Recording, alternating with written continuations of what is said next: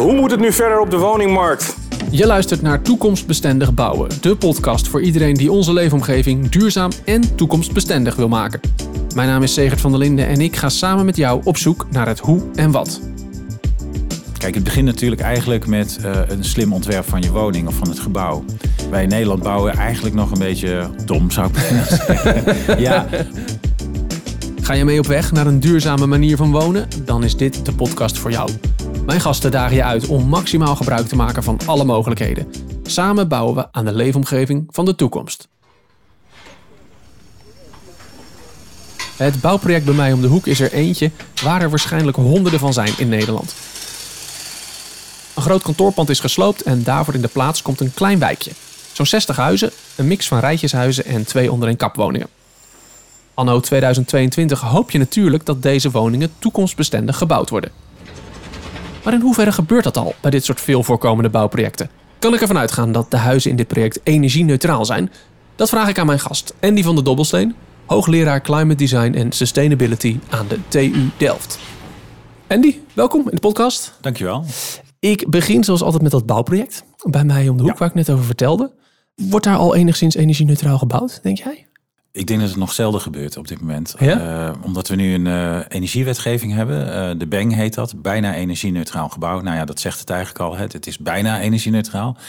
En ik zou het niet eens bijna af en toe willen noemen, want vaak heb je toch nog 30% van je energie nodig van buiten. Maar in ieder geval, daar wordt nu naar gebouwd. En dat betekent dus dat, dat we nu overal woningen aan het neerzetten zijn die eigenlijk nog niet energie-neutraal zijn. Nee. nee. Nee, het gebeurt wel hoor. Je hebt partijen die het wel doen, mm -hmm. maar dat is dan, die gaan dan boven de regelgeving uit, zou je kunnen zeggen. Ja, ja op eigen initiatief. Maar op zich bijna energie-neutraal, dat klinkt hartstikke goed. Dan denk ik, nou, dat ben ik bijna, weet je, dat kleine beetje. Nou, tuurlijk, ja, ja. Dat geeft niet. maar ja, en het gegeven is ook dat, dat we niet alles per se energie-neutraal hoeven te maken, omdat uh, een, een deel van onze duurzame energie uh, kunnen we opwekken buiten je eigen woning, buiten de stad. Uh, dat zijn de windparken bijvoorbeeld mm -hmm. en de zonneparken.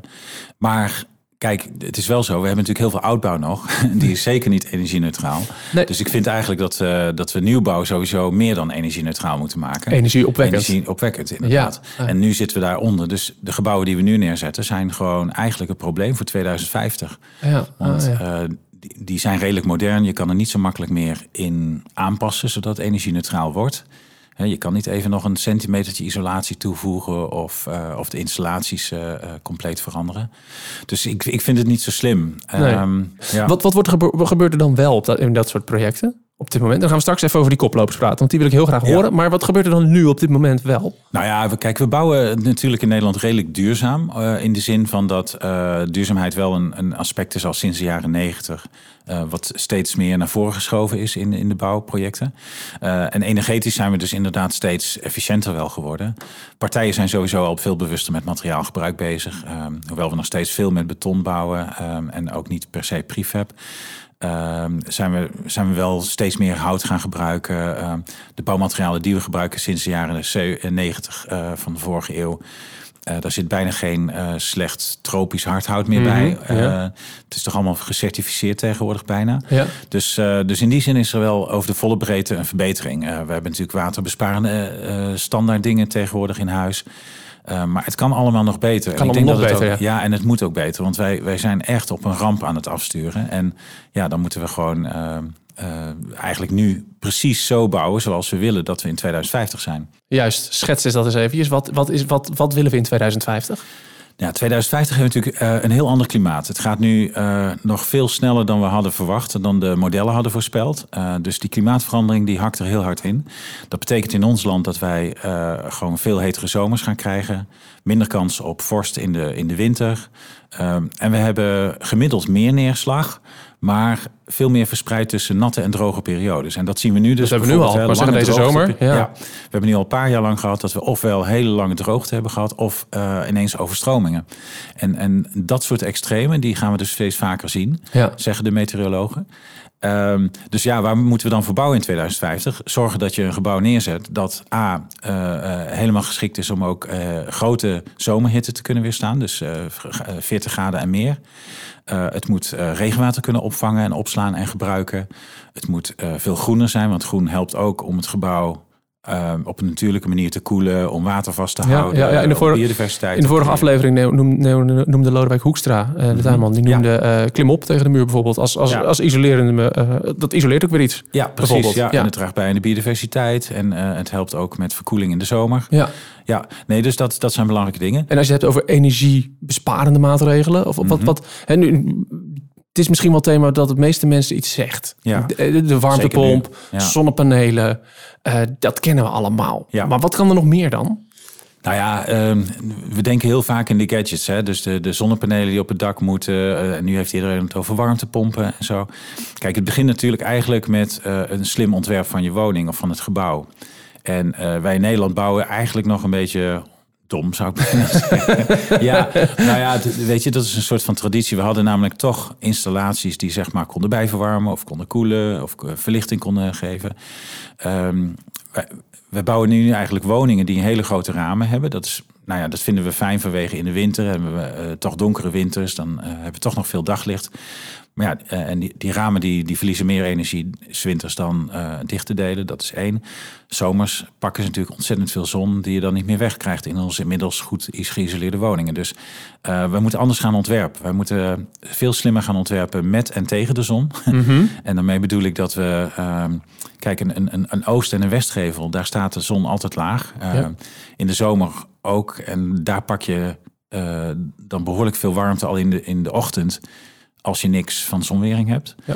Dus eh, zonwering op oost en west is misschien nog wel belangrijker dan op zuid. Want zuid, daar kun je met een klepje of met eh louvers... kan je gewoon de hoge zonnestand tegenhouden. Terwijl, je, eh, terwijl die dan toch nog lage winterzon toestaan. Dus ik vind dat wij veel slimmer met die zon moeten ontwerpen.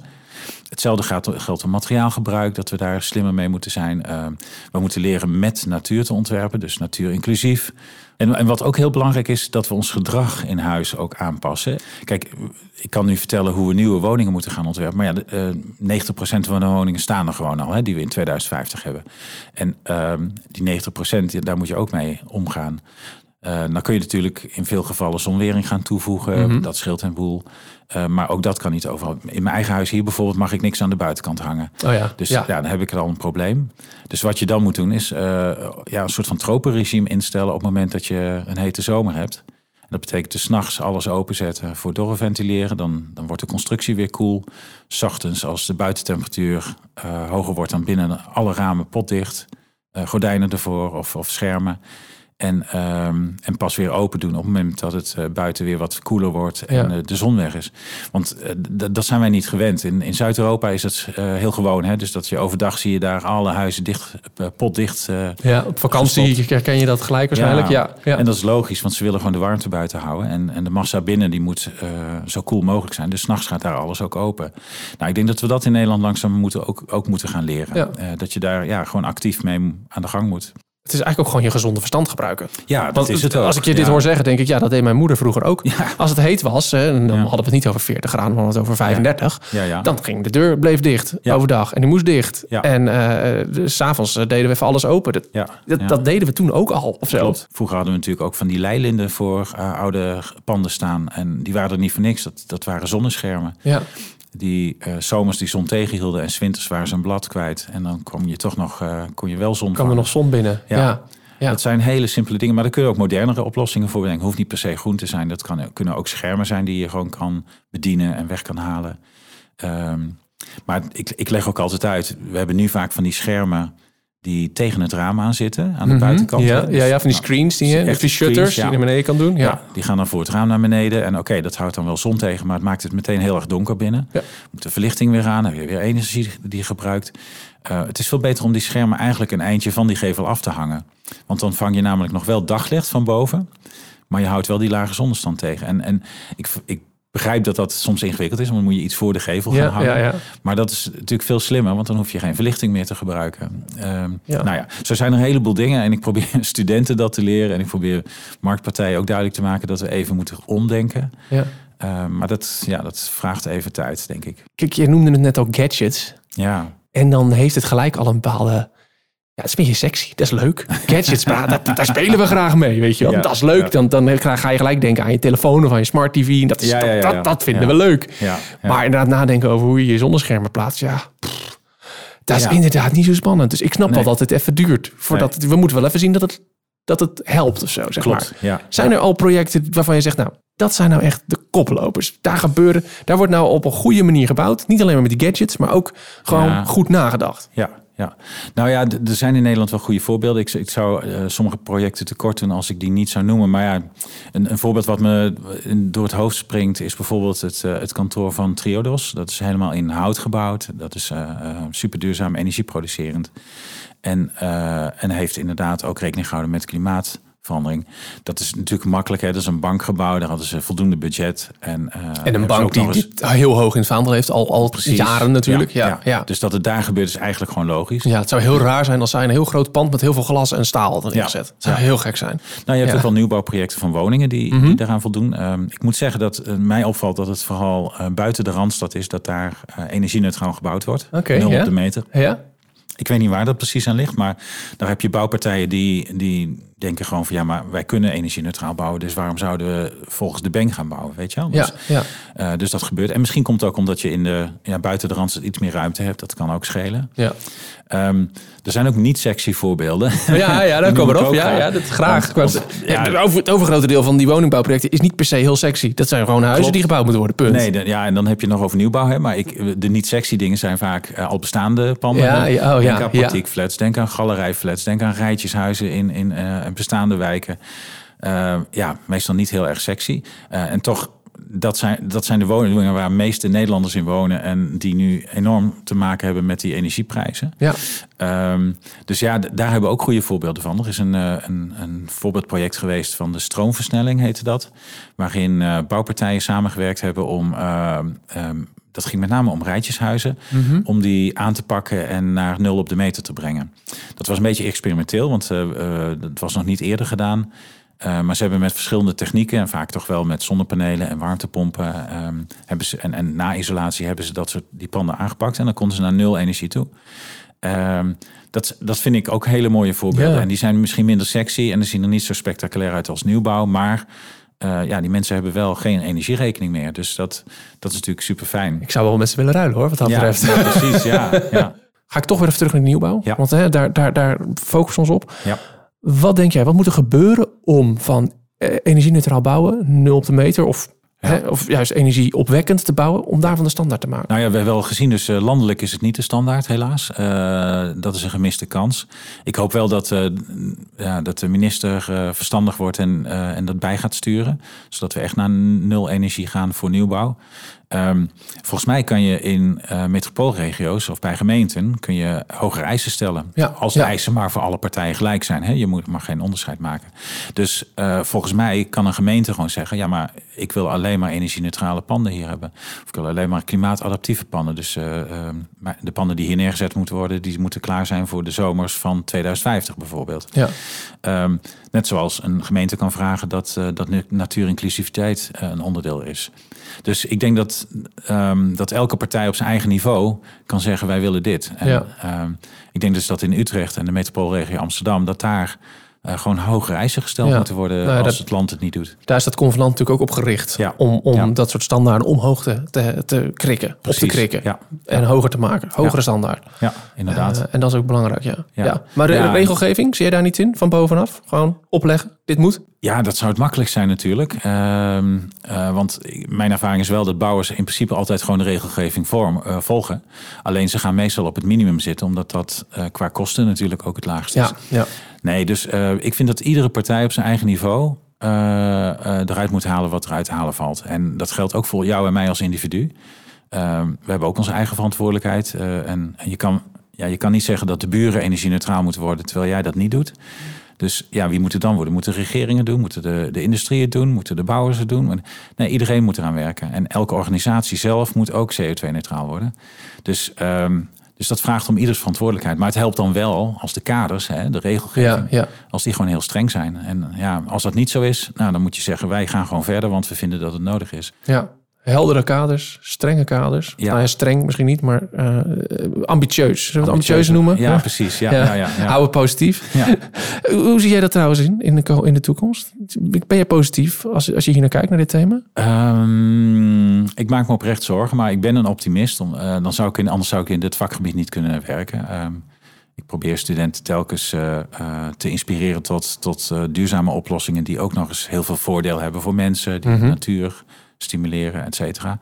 Eh, dus wij proberen ook te focussen met, met onze club op eh, hoe willen we eigenlijk dat de wereld eruit ziet in 2050 en hoe kunnen we daar naartoe gaan werken.